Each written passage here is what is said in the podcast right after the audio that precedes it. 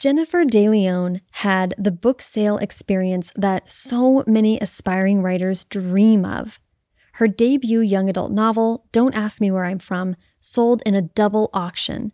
And just days after going on submission, Jen and her agent, Faye Bender, were in the position of deciding between several different offers. These offers were in emails most of the time. It would say, you know, the advance per book and then for the next book. And I remember getting the very first one and thinking, like, holy like, right? Like, this is life changing. Like, and I even sent Faye a, a gif that was like, we go in Sizzler. Like, I don't know if you've ever seen that movie. Like, White Man Can't Jump. I'm like, we go in Sizzler. She's like, you're crazy and I love you. But then Jen started looking more closely at all that contract language and legalese. I'll be honest. I mean, when I got the actual contract, I I looked at it. It felt like it was in another language. It's like you you don't know what you don't know, and you're focusing on the writing, and then very swiftly you're into this position of uh, kind of being a, a, a businesswoman where you're like, okay, I need to compare these these deals or these contracts or these proposals and it's not my forte. It's not my usual like way of thinking even. I'm sarah enni author of tell me everything and creator and host of first draft. And this is track changes a special first draft series covering everything you don't know you don't know about book publishing. This week contracts Last time, we talked about book advances, the guaranteed upfront payment that publishers give authors for the right to print and distribute their books. And we're going to come back to that conversation. But for this episode, we're providing context. Ooh, context, my favorite thing. Because an advance doesn't stand alone. There's a lot of ways publishers can set up an author for success, and counterintuitively, it does not always mean throwing them humongous checks. Though, for the record, authors love humongous checks. When Jen was evaluating competing offers, her agent helped her weigh all the different contractual elements that would factor into her decision. It's a totally different hat you're wearing, um, and that's why you usually have an agent to do that. Um, when the contract came up for Don't Ask Me Where I'm From, Faye made like a table where it was like, okay, these are our, I think when we had like the top four um, editors, like we had them in, in, a grid and then the, the details of each um, deal. And because it's not just the the advance, it's like so many other things. Um, and the details in there included things like royalties. Then you have, if it's North American rights or, or world rights, then you have the pub days, the delivery days, the payout, like how much you're going to get on signing, how much you're going to get for each book, or or if it's one book, you know, at what stages, like upon acceptance of the rough draft, of the final draft, um, copy edits. You know, there's all these pieces, and then the royalties you get on the hardcover versus the paperback also whether they get an option for your next book. I mean, it's it's a lot. It is a lot. And like Jen, I wanted some experts to help me break it down. Our job at Deal Time is to get the most amount of money out of the best publisher who's going to sell the most number of copies of the book so that everybody can do it all over again. That was Sarah Burnes, literary agent with the Gernert Company. I mean, you go into this hoping it works out, that it's a happy marriage, but you negotiate the contract for the divorce, the potential divorce, right? And so that's what it's there for. And that's Jo Volpe, literary agent and founder of New Leaf Literary and Media. Sarah and Jo sat down with me to talk contracts. First, let's back like all the way up and establish what is in a book contract. A book contract includes the grant of rights, and the scope of those grant of rights. So that means are you giving them just book rights? Are you giving them book and translation and audio rights? Are you giving them merchandising rights? You should not be giving them merchandising rights, but are you? Um, and then also the territory in which that publisher can exploit those rights. So that can be US only and its dependencies. It could be North America, which includes Canada.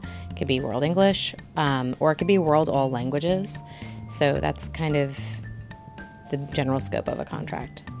Right. And I think maybe it would be also useful to make a distinction between the points that get negotiated at deal time and the points that get negotiated in the contracts themselves. Deal time is when your agent is negotiating with the acquiring editor. That negotiation covers top line contract stuff like the amount of the advance, the number of books, the uh, royalties, which are variable on the children's side, not on the adult side, but are on the children's side, the the grant of rights, as Jo said, and territory. And deal time is when you can get in anything that is difficult to get at the contract stage. So if you have, for instance, a writer who's the way a book looks is very important to them, you're not going to get cover approval at any other stage in the process unless you get it at deal time. I'm trying to think of the other things you can ask for at deal time. You can discuss bonuses at the deal stage. You discuss format, physical print guarantee, you know, things like that. If it's a competitive scenario, you can actually ask for a lot more things, such as a guaranteed audiobook edition, perhaps, or a lot more approvals. So it's important to know as an author that the deal memo is not the finished contract. And okay, here's why I wanted to get into contracts before we talked more about advances. When I asked Jo and Sarah to talk about factors they keep in mind when they're negotiating advances, they basically told me, hold up. Here's Jo. The advance is not it. It's also it's it's the editor, it's the team behind the editor, it's the the publisher, it's how they've been doing, it's what they've done well recently. You know, it's thinking about all of those things because everybody's moving around so much these days. Houses. I, I don't think I have a single author who's had the same editor for their whole time in house. Losing your editor, while not uncommon, really, really sucks because you're losing your number one in house advocate the person who cares most deeply about your book and who fights to get it attention, from acquisition all the way to pub day. Sometimes, when there's a lot of uncertainty, I think, well, you better pay us enough to make up for the uncertainty of your team because my author is willing to take some of that money and ensure some success by hiring either an outside publicist or doing some kind of campaign on their own. So I think there's a lot of factors that go into it. Okay, so the environment of a publishing house, its record of success, and its in house stability are things to keep in mind. Let's examine some other factors in the contract to consider along with the advance. One of the biggest things is whether your contract covers one book or multiple books. Jen faced this quandary when evaluating her options. I had asked a lot of author friends, like, should I go with a two book deal? It's literally double the money. And I have that guarantee that I'll have a second book in the world. And I can sort of, as long as I do it, um, I can relax and know that I will have income for the next X years. But then other writer friends were like, oh my God, no, I could never. Like, I feel like I would owe them that money and I don't even have an idea for your next book and da da da. da. So, like, everybody thinks differently. And I was thinking, like, well, I know I want to send my kids to college. Like, I feel like I should go with the two book deal because it's more secure. But Jen's agent was able to step in and help her evaluate the situation. Faye was like, well, you know, this one book deal is has better royalties and and if you have a great experience i'm sure you will. She's like then we'll talk the next book when that comes up. And it's not like you'd get that money before you deliver the book anyway. One book two books three books in a series. This question is so specific to every author on their own publishing journey. You have to talk to your agent about every possible option and try to be aware of what kind of writer you are. Some people need deadlines to focus their mind. Other people feel stifled by the pressure of writing under contract. There is no normal, there's only what feels right to you. Okay, so as you look at your contract, it kicks off with rights and royalties. Rights refers to the publisher's rights to publish and market your work in the territories agreed to in the contract. World rights versus North American rights, that kind of thing. In a book deal, territorial rights are split into at least three categories. First, North American English rights, which includes the US, Canada, and usually the Philippines. Yep, the Philippines. I searched high and low for the history on that, why the Philippines goes right along with US and Canada, and I couldn't find it by deadline. Please, if you know, just send me a note. The second category is for English language rights in the remainder of the world, also known as British Commonwealth rights. That includes the UK, Commonwealth countries, or former Commonwealth countries. So, Australia, New Zealand, South Africa, sometimes India, etc. The third category is translation rights, all languages other than English.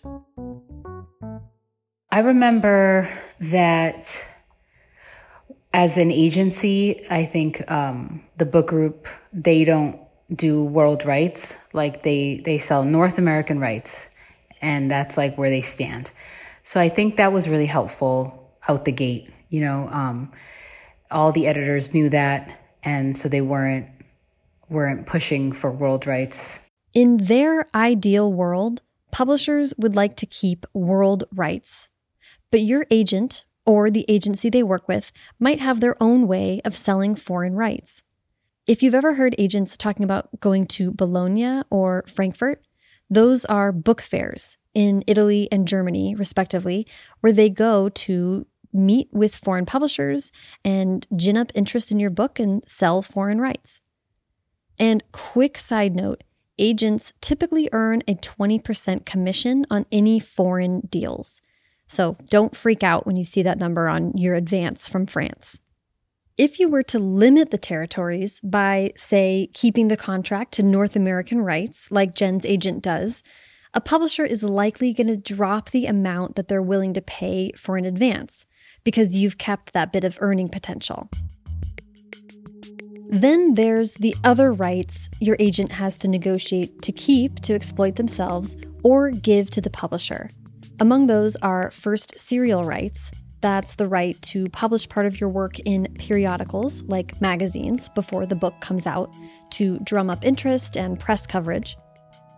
Film and TV rights, if someone wanted to option your book and try to make a movie or a TV show out of it.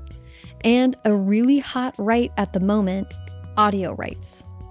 Over the last couple years, audiobooks have been one of the fastest growing categories across all of publishing, so more and more publishers are pushing to keep those rights. An editor at HarperCollins told me point blank Harper's company policy is not to agree to a contract without retaining audio rights. Okay, next up royalties. We talked about them last time as it related to earning out your advance and getting cash money above and beyond that upfront payment. Royalties normally range between 7 and 10% for children's books. And here's a weird thing royalties are variable on the children's side of publishing, but not so much on the adult side. So, for kidlit writers, you really want to pay attention. If you've got offers that are very different in money up front, but one publishing house is giving you a different royalty rate or structure, it might significantly change your calculus for which offer you want to accept. That was something Jen looked at closely in her analysis. After you sell a certain amount of copies, then your royalties go up. And for some publishers, it was a lot lower than it was for others. According to the Poets and Writers Complete Guide to Being a Writer, in a standard book contract, the author earns 10% of the book's cover price on the first 5,000 hardcover copies sold, 12.5% on the next 5,000 copies, and 15% on any copies sold after the first 10,000.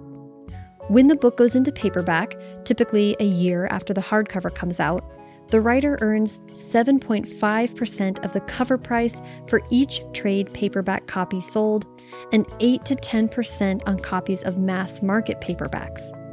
With ebooks, writers typically earn 25% of any revenue publishers receive. Keep in mind, Poets and Writers is targeted towards writers of adult fiction and nonfiction, so again, those numbers are not hard and fast for Kidlit. Okay, while we're getting wonky, stay with me. There's another thing you should know.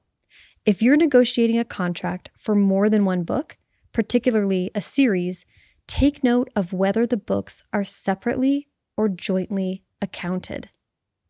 To explain that, let's hear from Kate Sullivan, former senior editor at multiple Big Five publishing houses and current senior content development manager for New Leaf Literary and Media. If I do a multi book contract, separate accounting means every book is accounted for on its own, and joint accounting means every book is accounted together. So if you sell three books for $50,000 each to me and they are joint accounted, you don't get any royalties until you've hit 150,000. Kate's example, said another way, is if you sold a trilogy for $150,000 and it was separately accounted, you would only have to make $50,000 to earn out the advance of the first book and start earning royalties. Practically speaking, you're more likely to see royalties and see them sooner if your books are separately accounted. If that first book takes off, it's easier to earn out $50,000 than $150,000 across three books. As to whether or not you can negotiate for separate accounting, well, if you sell a trilogy, then a publisher sometimes will say, well, this needs to be joint accounting because I'm buying the whole intellectual property. And, you know, some of that money needs to go into marketing. Like there's going to be extra marketing on book one, but you have to make sure there's momentum for book two and three. So therefore, we need all this money to be tied up together. And it can be a deal breaker for some agents and authors. Royalties may also be renegotiated after, say, your book has a zeitgeisty moment and sells millions of copies, or you win a prestigious award. You know, totally normal and common situations. Speaking of major awards, though, some put in the contract that you would get a bonus if it were a Printz Award winner or um, a National Book Award finalist or a National Book Award winner. You know, there were like all these things that um, varied from publisher to publisher. But the thing that I didn't expect were um, awards bonuses and then like New York Times slots. Like some of them have specific bonuses that they give you if you hit like the number one spot, if you hit between number two and number 10. Like that's crazy specific. Okay, dope. Your publisher is ready to reward your excellence. Um, let's see, what else? One thing that we haven't talked about is delivery date. Ah, delivery of manuscript. This is also in the deal memo is when a book is due and what are the grace periods around that? As in if you have a wild case of writer's block, or gee, I don't know, there's a global pandemic and all of a sudden you have to homeschool your kids, how much leeway do you have to turn in your manuscript? The delivery and option, those are, you know, th- those are the things that really concern authors. And so those are the things I think, you know, that are good to look at. Ooh, did you catch that? Sarah mentioned the option. That's the option clause. And this brings us to clauses. Fun! Okay, so Jo says there are three clauses in particular that she focuses on with her clients. It's the triangle of freedom, I call it, which is the option clause, the next works clause, and the competitive works clause.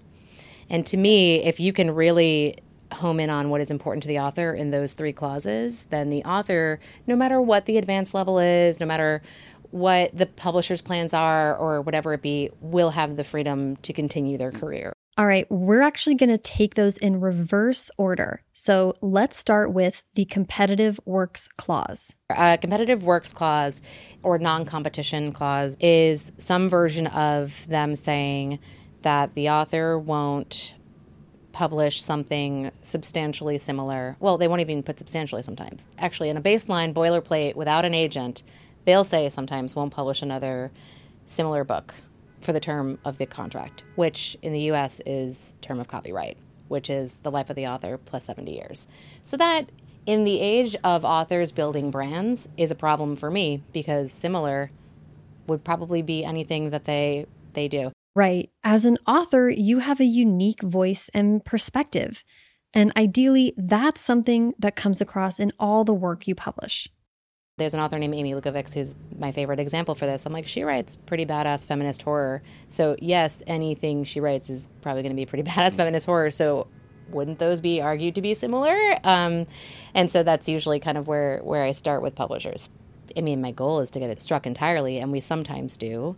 Uh, we especially do if someone is also a screenwriter. They usually have first opportunity to write any novelization of a screenplay that they wrote, so you can't say that you know, and then might be competitive and you can't kind of hold that back. But if you can't get it struck entirely, it just depends on what the plans are for that author, for that book, that universe. This is particularly worrisome in nonfiction. If you've positioned yourself as an expert in one field or on one topic, then a boilerplate non compete clause could seriously hamper your ability to keep doing your job in the nonfiction space, if the author is an expert on a particular topic, who's the publisher to say that they can't publish in that area again, especially if they're not paying a substantial sum, you know? So that is one that I usually will focus on very much. Remember, we're thinking beyond this one contract. You want to write books for a long time. Okay, that brings us to the next works clause. The next works clause is separate. Sometimes you'll see it in the competitive works paragraph. Sometimes it'll be in the reps and warranties. Sometimes it'll have its own paragraph. But that is a paragraph that says this will be the author's next published work.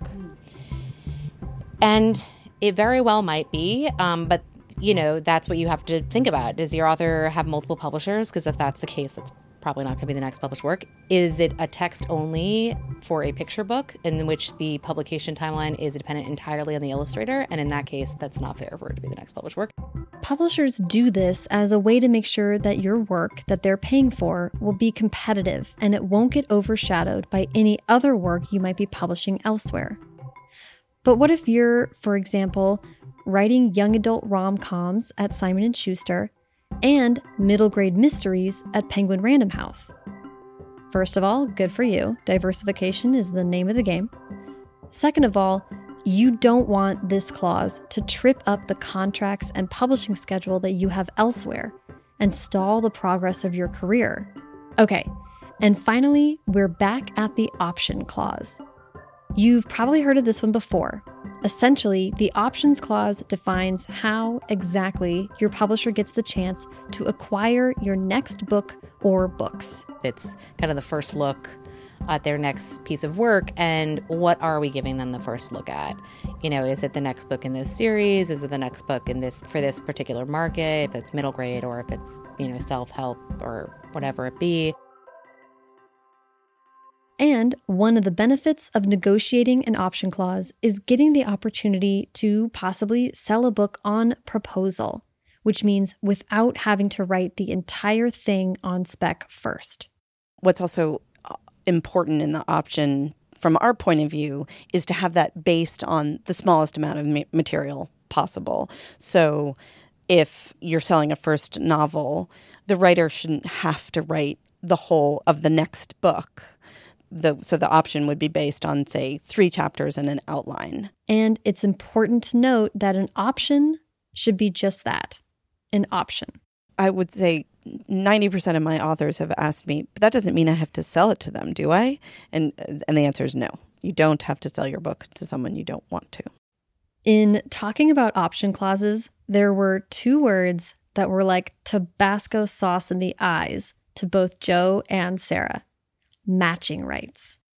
And certainly, you know, always try never to get any matching rights in there um, if you decide not to move forward with No, that no, publisher. no, no, no. Never agree to that. So yeah, I always put just no matching period at the end of every statement about the the option. What does that mean? So in a in an option clause, I, I really actually haven't seen this in a long time because I think we finally beat them back. But that it would say that if the publisher, so you submit the option work to the publisher, they make an offer on it.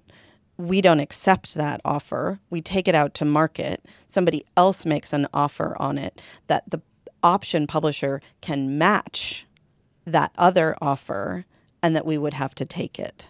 And we you can't as an agent, we can never put our authors in situations where they are being published by someone they don't want to be published by. And that's what happens with matching. Matching language is in every contract I've ever seen where someone wasn't agented. So, listen, I am very much enjoying this Elle Woods moment of getting into legal language.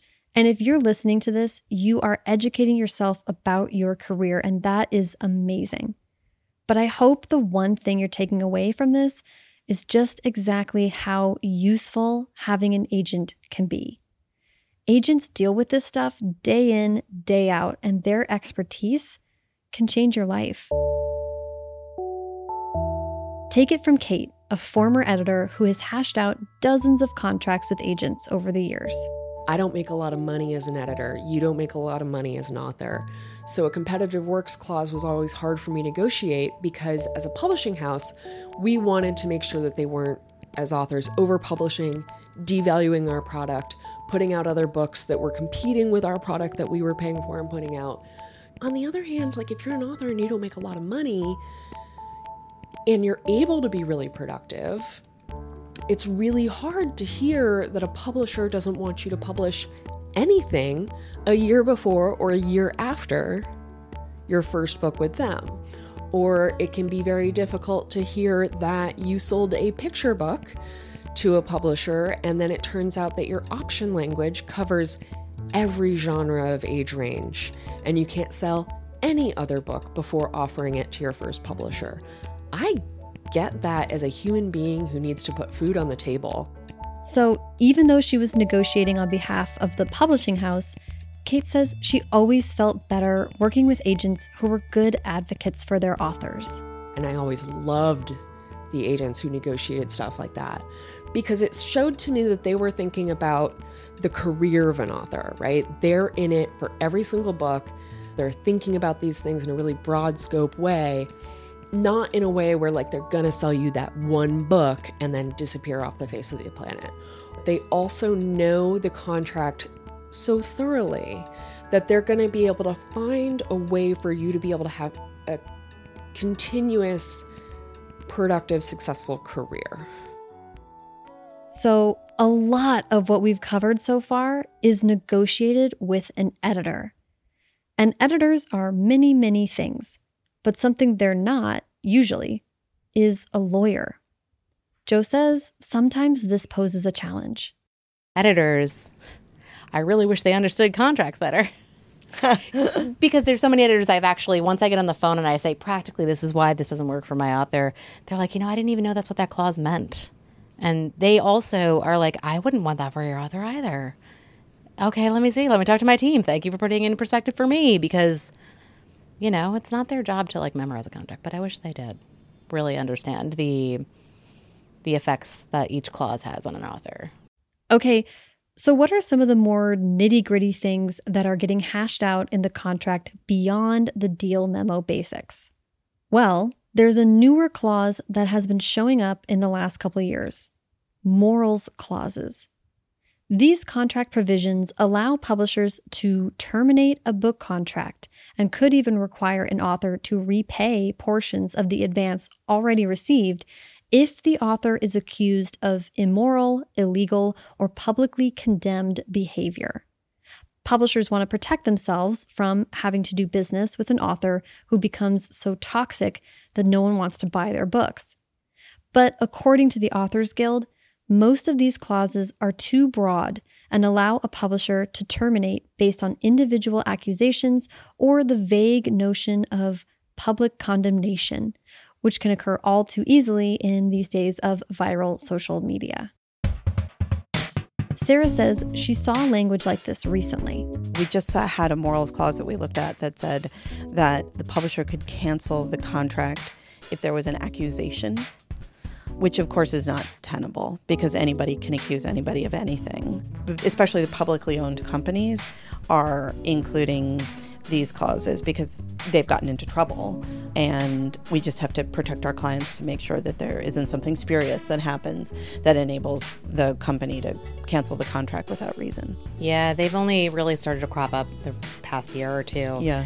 in contracts. We do understand why they want to put it in there, but it puts our clients at risk for just frivolous cancellations, frankly. Absolutely. No Um, question. Every publisher that's put it in their contract has been so different. So we've actually taken a different approach with each one Yeah. to get to the same place ultimately. Yeah. Which is to not make it easy for them to cancel a book deal.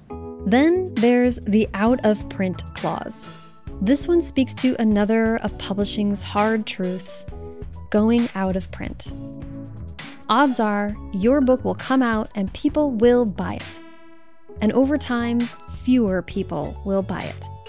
And fewer still, until your publisher decides it's not in its financial interest to print new copies of the book in any format. The book will then be considered out of print.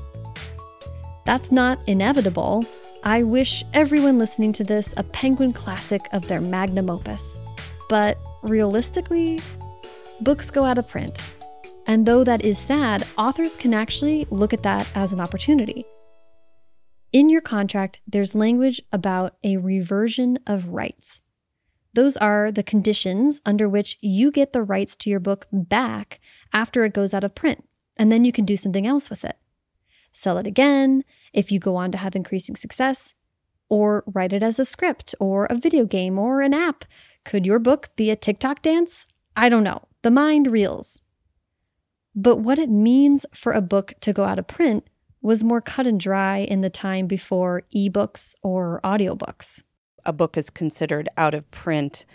It, well, it was if there were if there were less than say 250 copies sold in a royalty period or over a year or whatever the period was. But how can something go out of print if the ebook is just sitting there on Amazon until the end of time, taunting you with your inability to make that manuscript into a TikTok dance? The ebooks brought up the issue that a book was never actually out of print.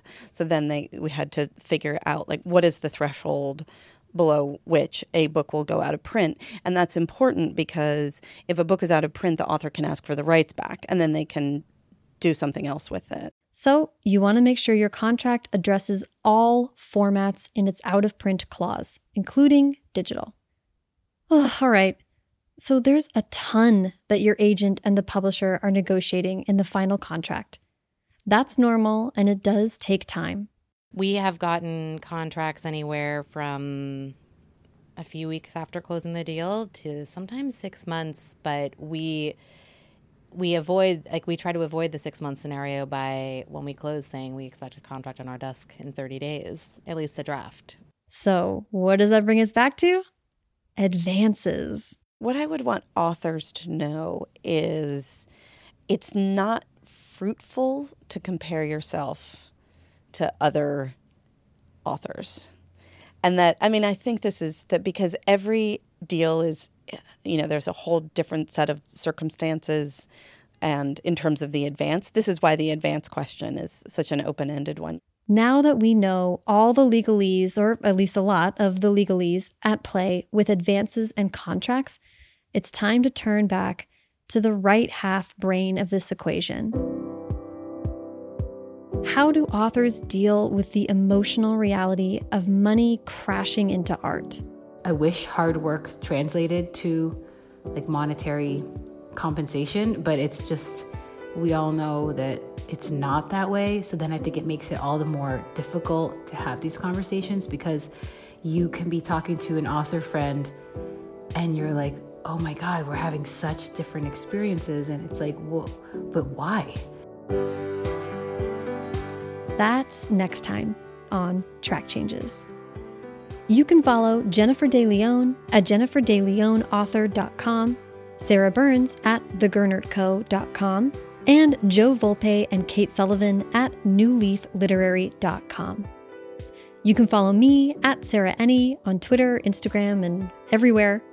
Follow First Draft Pod on Twitter and Instagram, and head to firstdraftpod.com slash track changes for more information and updates on track changes. And check out the First Draft Facebook group to join the discussion. That's facebook.com slash firstdraftpod and join the group. If you want an even deeper understanding of the publishing process and you're looking for some more original reporting from me, sign up for the Track Changes newsletter. For $5 a month, Track Changes will hit your inbox every Thursday with information to provide context, up to date, and behind the scenes data that will educate and empower you no matter what stage of the publishing journey you're at. Sign up at firstdraftpod.com slash track changes. Help support Track Changes by subscribing to the First Draft with Sarah Enni feed wherever you're listening to this podcast right now. You help support the show. And please, please, please leave a rating and review on Apple Podcasts. It only takes a couple minutes, but it helps the show tremendously.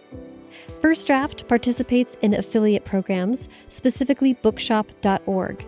That means that if you shop through the links on firstdraftpod.com, it helps to support the show and independent bookstores at no additional cost to you. If you'd like to donate to First Draft, either on a one-time or monthly basis, simply go to paypal.me slash firstdraftpod. Track Changes is produced by me, Sarah Enni, and Haley Hirschman. Zan Romanoff is our story editor. The theme music is by Dan Bailey, and the logo was designed by Colin Keith.